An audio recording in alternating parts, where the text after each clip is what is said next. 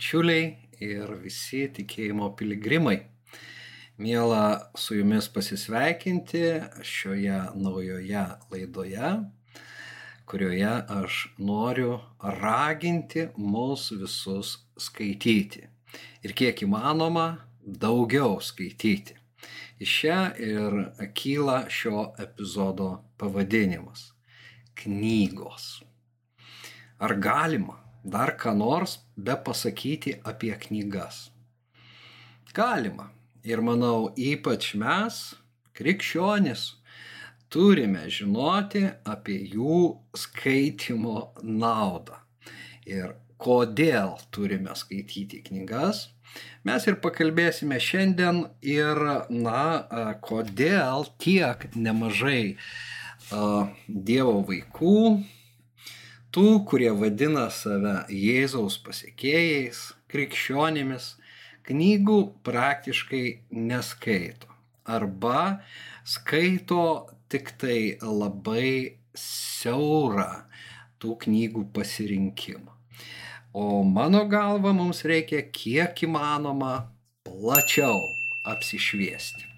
Tai prenumeruokite šį kanalą ir e, keliaukime tikėjimo kelionėje drauge, padėdami vienas kitam, kitam šiame nelengvame e, kelyje, tačiau kelyje, kuris teikia daug vidinio džiaugsmo, vidinės laisvės, naujų atradimų ir svarbiausia paties Dievo, Dievo apriškimų.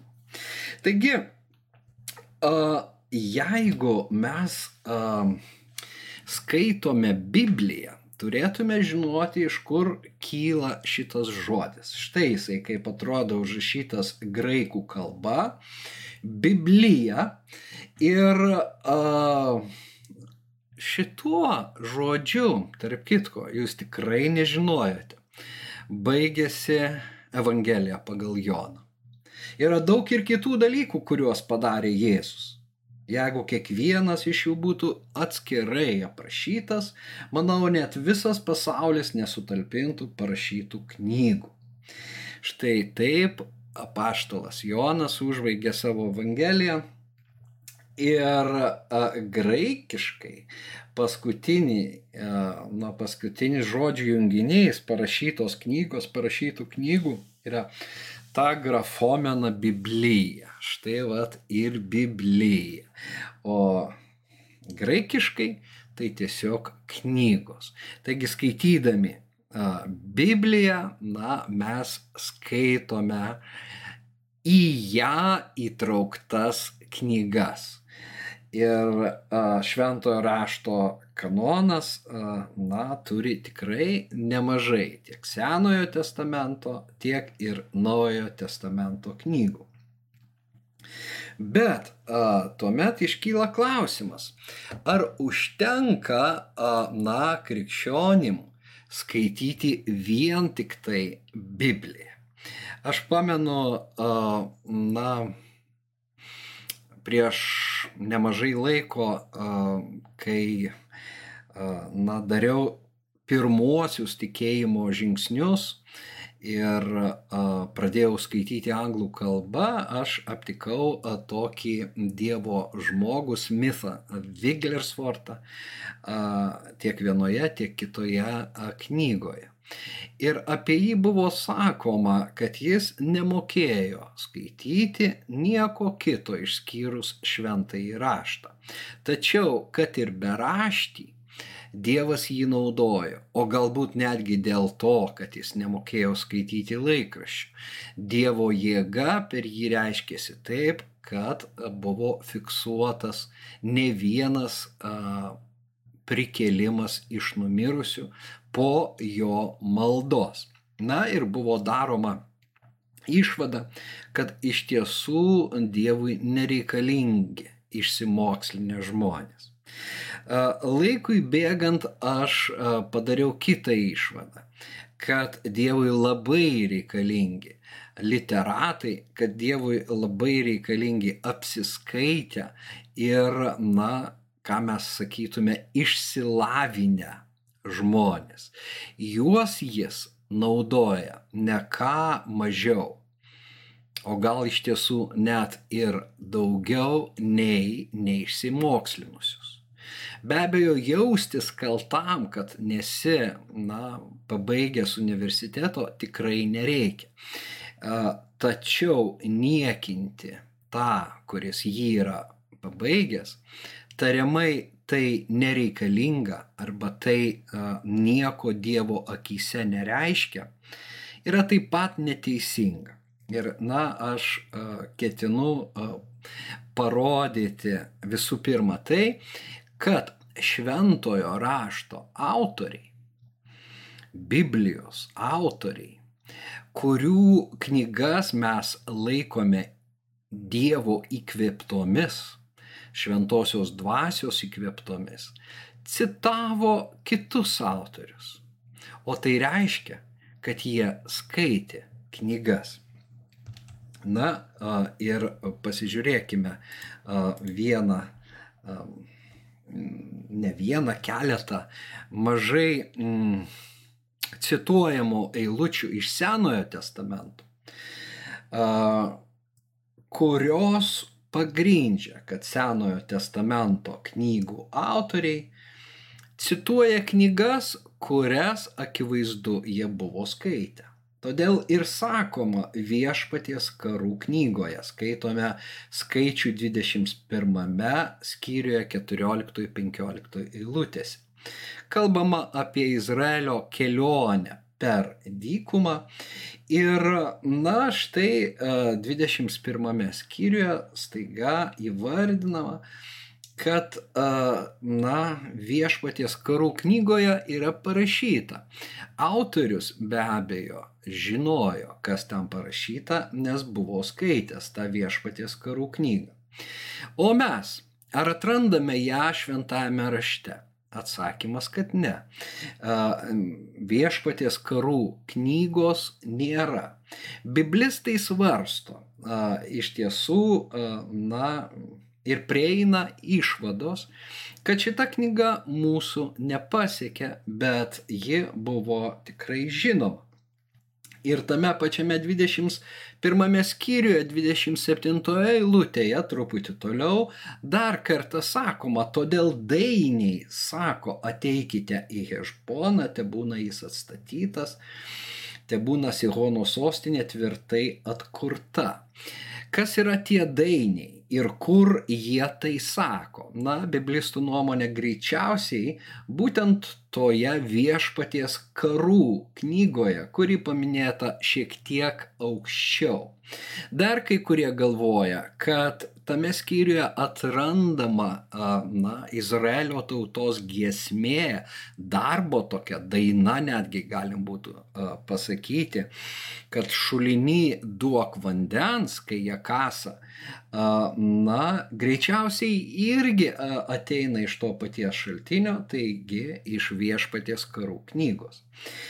Na, bet faktas tas, kad, na, jeigu laikome Mozę, na, šito skaičių knygos autoriumi, biblistai laiko, kad jinai buvo kompiliuojama ir na, iš tos žodinės tradicijos.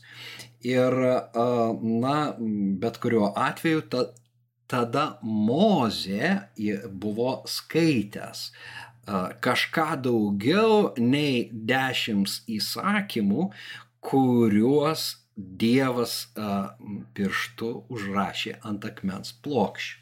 Tačiau mes taip negalvojam. Mes galvojam, kad Moze, na, greičiausiai, na, tik tai klausė Dievo, bet pamirštame iš tiesų, kad Steponas yra pasakęs, jog jis buvo išmokytas visos Egipto išminties. Na ir dar viena eilutė, kurią aš į, į, išrašiau, Tai yra iš antros Samuelio knygos, pirmos kyriaus, jis įsakė, kad judo žmonės būtų mokomi lanko gesmės, ji užrašyta Ješaro knygoje. Ir vėlgi, Ješaro knygos nėra nei kanone, nei apokrifiniuose tekstuose. Apie juos aš kalbėjau praeitą kartą ir labai raginu peržiūrėti ir tą laidą šiandien aš praktiškai nebesikartosiu apie tai, kas yra apokrifai, bet Ješaro knygos tarp jų tikrai nėra. E, kai kurie biblistai tai labai įdomus svarstymas ir jis turi tikrai nemažą pagrindą, sako, kad Ješaro knyga ir viešpaties karų knyga, paminėta štai tose eilutėse, kurias aš pacitavau anksčiau, yra viena ir ta pati knyga, kuri susidėjo iš gesmių, iš dainų ir todėl paminėti dainiai. Beje, hebrajiškas žodis galėtų būti hebra, hebrajų, mm, na, bardai bardai, ne poetai, na tie, kurie kalba poetiškai, mislėmis, patarlėmis. Ir kažko pats Jėzus, kalbėdamas palyginimais apie Dievo karalystę, iš tiesų buvo į juos panašus. Bet štai hebrajų kalboje ta karų ir ješaro tie žodžiai turi tas pačias priebalsės. Ir, ir na, ta Jašaro knyga gali būti dar verčiama kaip te, teisiųjų, teisingųjų o, o, knyga. Bet priebalsės yra tos pačios kaip ir karų. Todėl galimas dalykas, kad iš tiesų tai yra perrašinėtojų na, toks sprendimas įtraukti kitą balsę ir mes jau turime visai kitą žodį hebrajų kalboje. Kaip ten bebūtų, na, mano mintis ta, kad Senojo testamento autoriai buvo apsiskaitę. Ir kai jie užrašė žodžius, kuriuos įkvėpė šventoji dvasia ar kuriuos mes laikome Dievo įkvėptais ir todėl įtrauktais į šventojo rašto kanoną, jie jau naudojosi bagažu.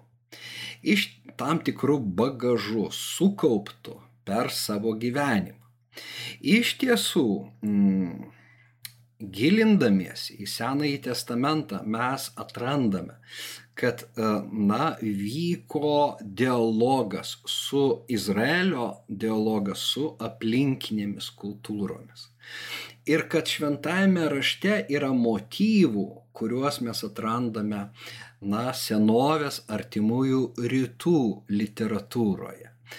Ir a, tada mums belieka, na, spręsti, kodėl yra a, artimų vietų. Tas pats tvanas a, aprašytas, a, na, a, tas pats, sakykime, Babelio a, bokšto kalbų sumaišymo epizodas. Ir kiti, a, na, epizodai kurie leidžia daryti išvadą, kad Izraelis nebuvo izoliuota sala ir kad kurdamas a, savo Bibliją, savo knygas, jis na, nuolatos kontaktavo, buvo na, polemikoje ir na, sikiu savo polemikoje su kitomis tautomis, su kitų tautų dainiais, autoriais. Ir, na, toje, reiškia, dialogo sekoje perėmė ir tam tikras idėjas, kurios ateidavo iš kitų šaltinių. Na, jeigu mes pasižiūrėtume į a, Naująjį testamentą, tai mes, tuo aš atsakysiu į šitą klausimą, bet matome visų pirma paštalą Paulių, kuris, na, buvo labai raštingas žmogus, skaitė graikų klasiką ir savo pamoksluose bei laiškuose jisai cituoja tiek poetus, tiek filosofus. Ir aš čia paminėsiu tik kelis, na, iš laiško Titui. Paulius šiame laiške, šioje eilutėje, perskaitykime ją, vienas iš jų tarpo, jų pačių pranašas sakė, kretiečiai visat meluoja, žvėris pikti ir tingus edrūnai. Tai čia Paulius cituoja iš Kretos kilusi mąstytoją, poetą Epimenidą, kuris gyveno šeštame amžiuje prieš Kristų.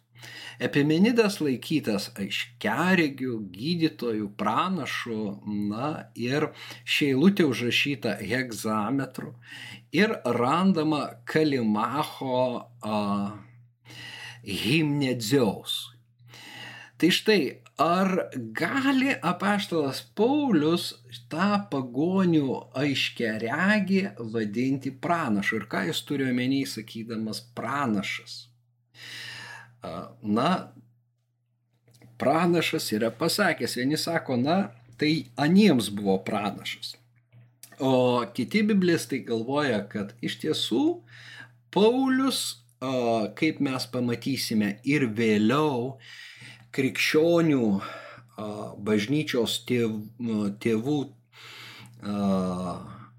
atstovai arba kaip, na, pirmieji bažnyčios tėvai aiškino, kad visa tiesa yra Dievo tiesa. Ir net jeigu ji atrandama pagonių autorių knygose, jinai ateina iš to paties šaltinio, iš Dievo.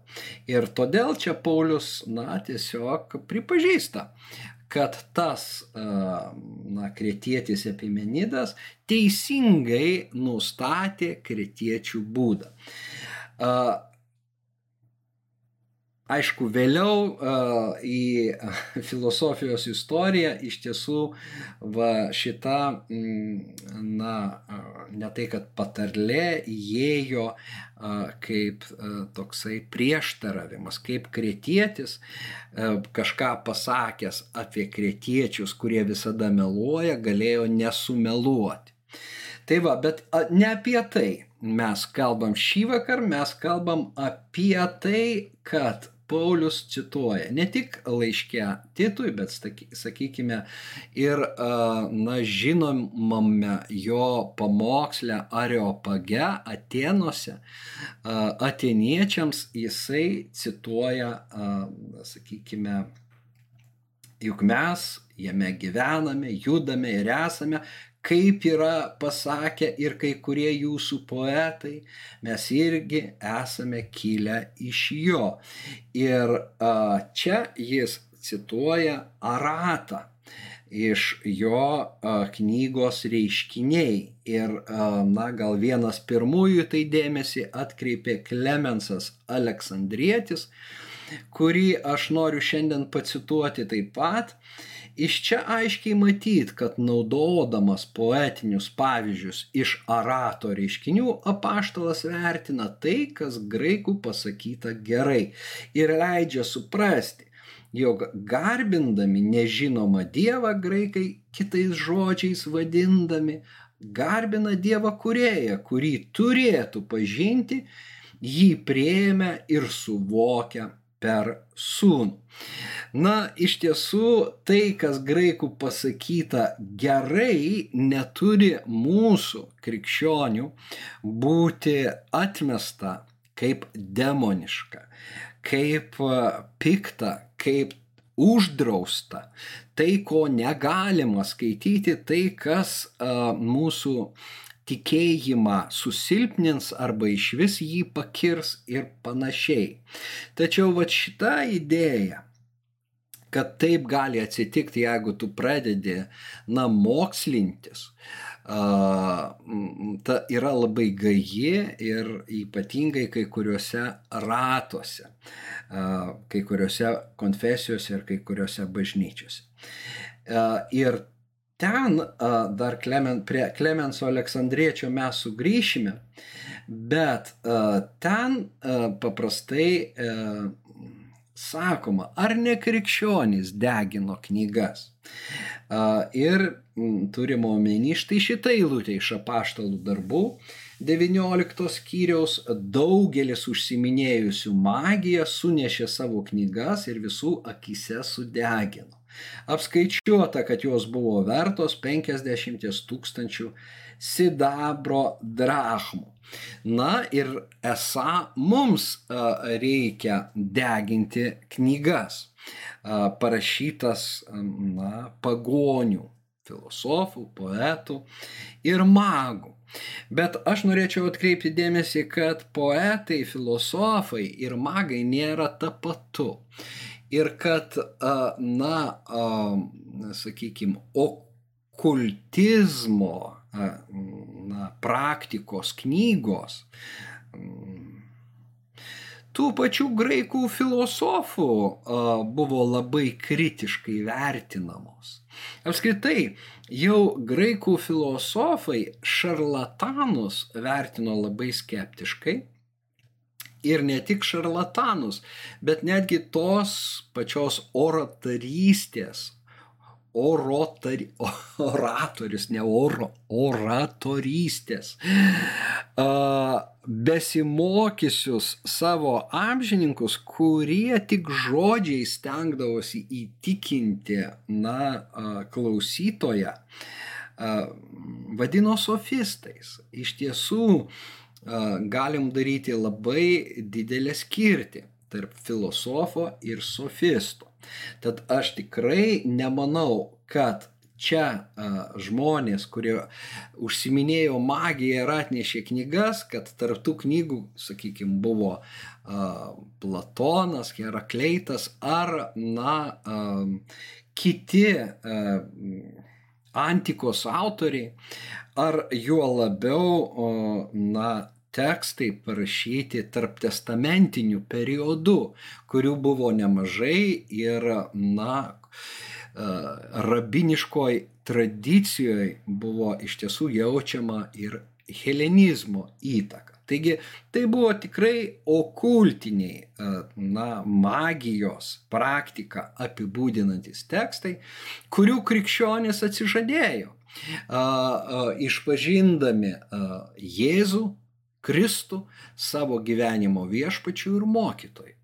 Na ir teisingai padarysime ir mes, jeigu mes grežiamės į Kristų visą širdimi ir renkamės Kristaus mokslą kaip tiesos kelią, mes tikrai nebesidarysime į tai, ką kalba okultinių knygų autoriai arba kokiu nors kvazi religinių mokymų autoriai. Ir ten neieškosime savo gyvenimui vadovo, kaip gyventi. Bet ieškosime atsakymų visų pirma, be abejo, šventajame rašte, tačiau ieškodami uh, jų ir brangindami tiesą, mes tikrai jos sėklas aptiksime ir na, įvairiuose tekstuose, jeigu juos skaitome. Ir man atrodo, kad tai nėra vien tik alterna, sakykime, vien tik tai toks, na, šiaip gali skaityti, gali neskaityti, bet aš matau didelę problemą neskaitančių krikščionių. Na, dabar ne kiekvienas iš tiesų žmogus uh, yra mm, skaitytojas arba ne kiekvienas žmogus palinks prie knygos. Vienam tai yra duota, kitam duota, na, dirbti kažką tai, uh, pagaminti mm, savo rankomis. Tačiau ta tarpusavio, uh, na, tarpusavio ryšys labai svarbus. Nes yra viena, jeigu žmogus sako, aš nelabai skaitau, na, aš turiu kitų polinkių, man, man labiau patinka, pavyzdžiui, meistrauti. Tačiau jeigu jis yra krikščionis nuolankios širdies arba žmogus tiesiog nuolankios širdies, jis visada paklausys išmintingo mokytojo, to, kuris na, daug skaito kuris yra palinkęs prie knygos, kuris ieško tiesos tos knygos puslapiuose, o ne jį niekins. Štai yra labai didelis, sakyčiau, nuodėmė ir, na, paklydimas niekinti skaitantį, niekinti tą, kuris ne tik skaitydamas, bet ir per praktiką išgyvenimo, na, susikrovė didelį skrynę, didelį bagažą ir juo dalinasi, tuo paveldu, tais išminties žodžiais dalinasi su kitais. Negalima niekinti. O štai, kai e, paniekinama išmintis, ateina kvailystė, o kvailystė pil atvira melui.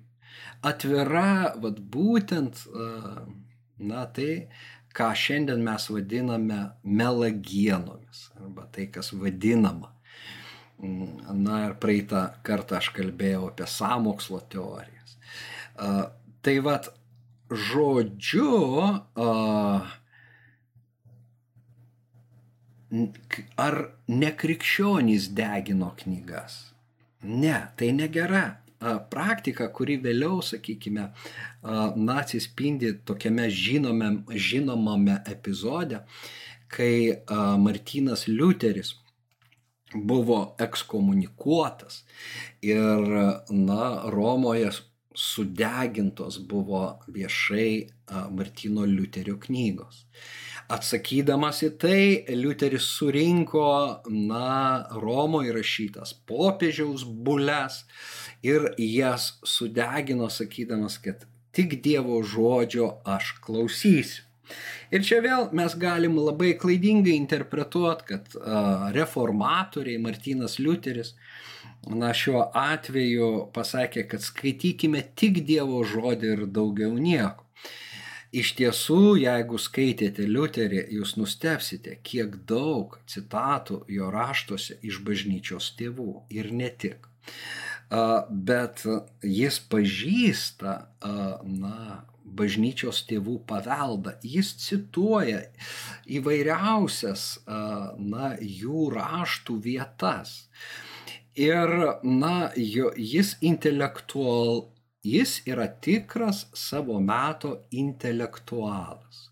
Taip kaip savo metu apaštalas Paulius buvo savo meto intelektualas ir net pagonių karalius, kurio akivaizdoj Paulius save gina, sako, ar iš didelio krašto, ne, e, iš didelio rašto nešėjai iš krašto.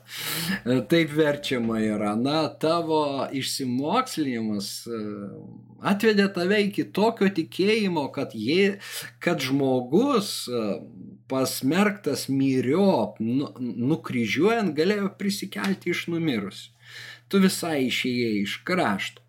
Bet va šitie Dievo žmonės, apaštalas Paulius, Martynas Liuteris, buvo labai apsiskaitę.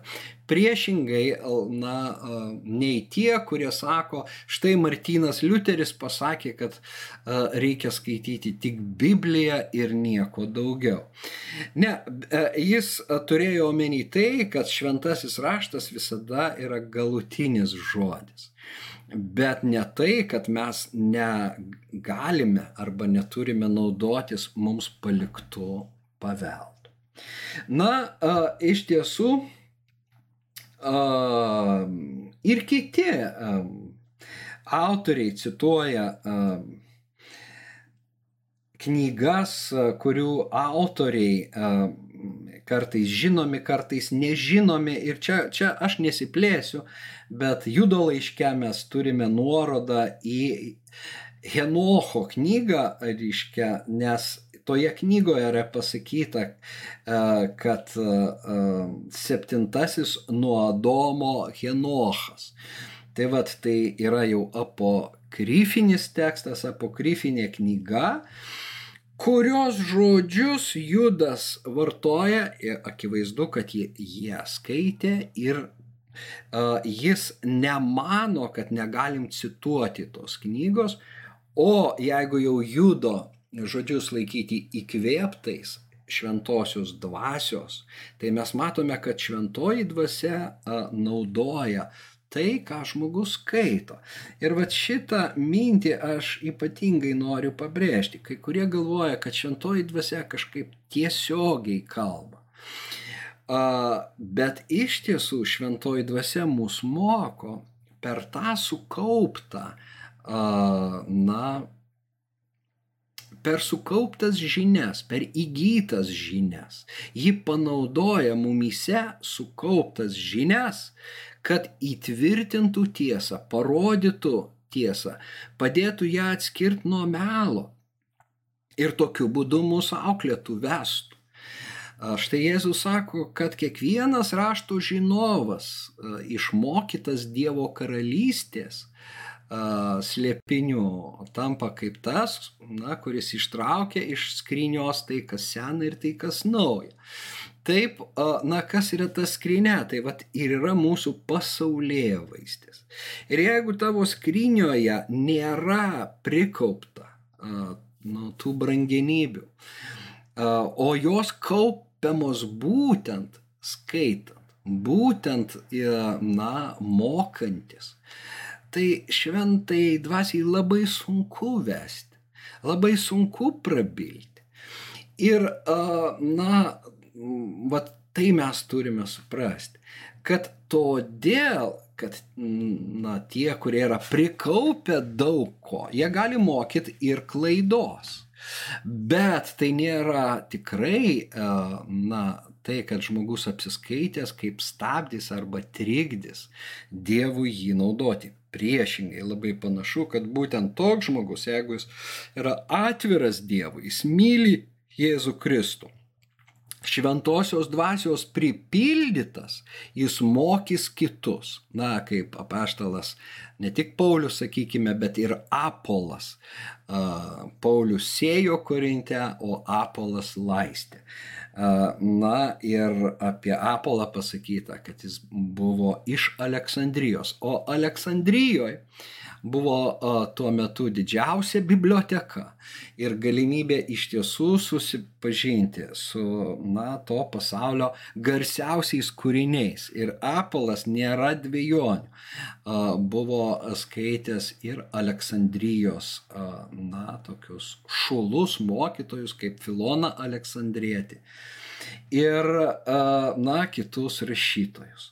Štai, na, galim dar, aš jau praktiškai pasakiau visą tai, ką aš norėjau pasakyti, bet dar kartą sugrįžti prie Klemenso Aleksandriečio, kuris labai įdomiai svarstė apie antikos filosofiją ir jos, na, panašumą į Torą. Štai ką jisai rašo stromatuose, o konkrečiai pirmame tame stromate pakilime. Prieš viešpaties ateimą filosofija graikams buvo reikalinga, kad vestų teisybę. O dabar ji darosi naudinga, kad jie garbintų Dievą. Dabar, kai jau atėjo Evangelijos mokslas, Ji yra tam tikras parengiamasis auklėjimas žmonėms, kurie per įrodymą skinasi savo tikėjimo vaisių. Nes, kaip sako raštas, tavo koja nesuklups, jei tai, kas gražu, ar tai būtų graikų, ar mūsų krikščionių.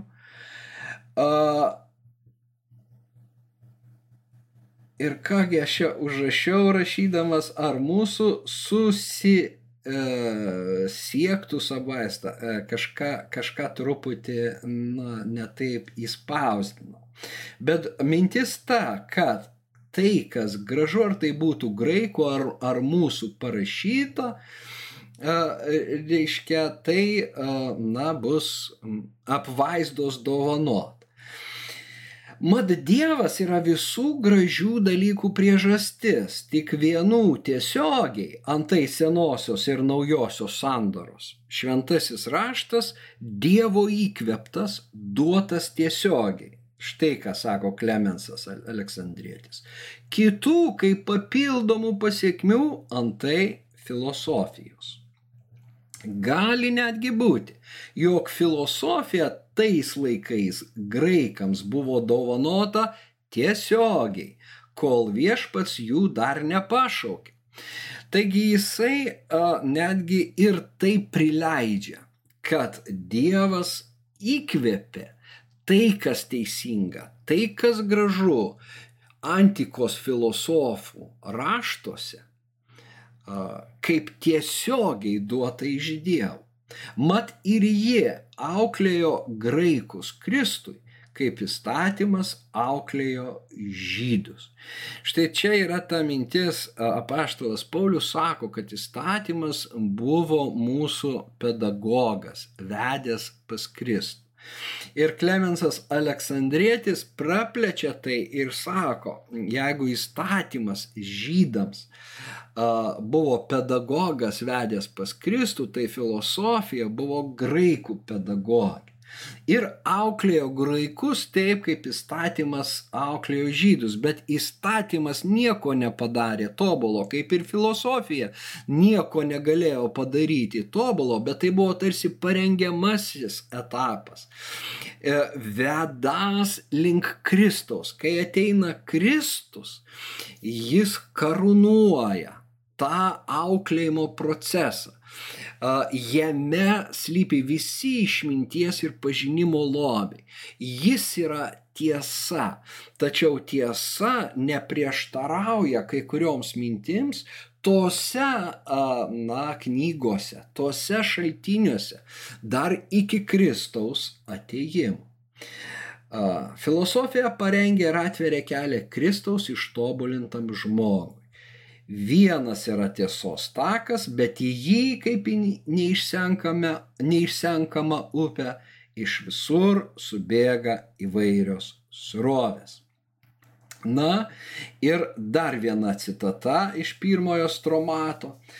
Čia naudingas ir viešpaties paaiškintas sėjos palyginimas.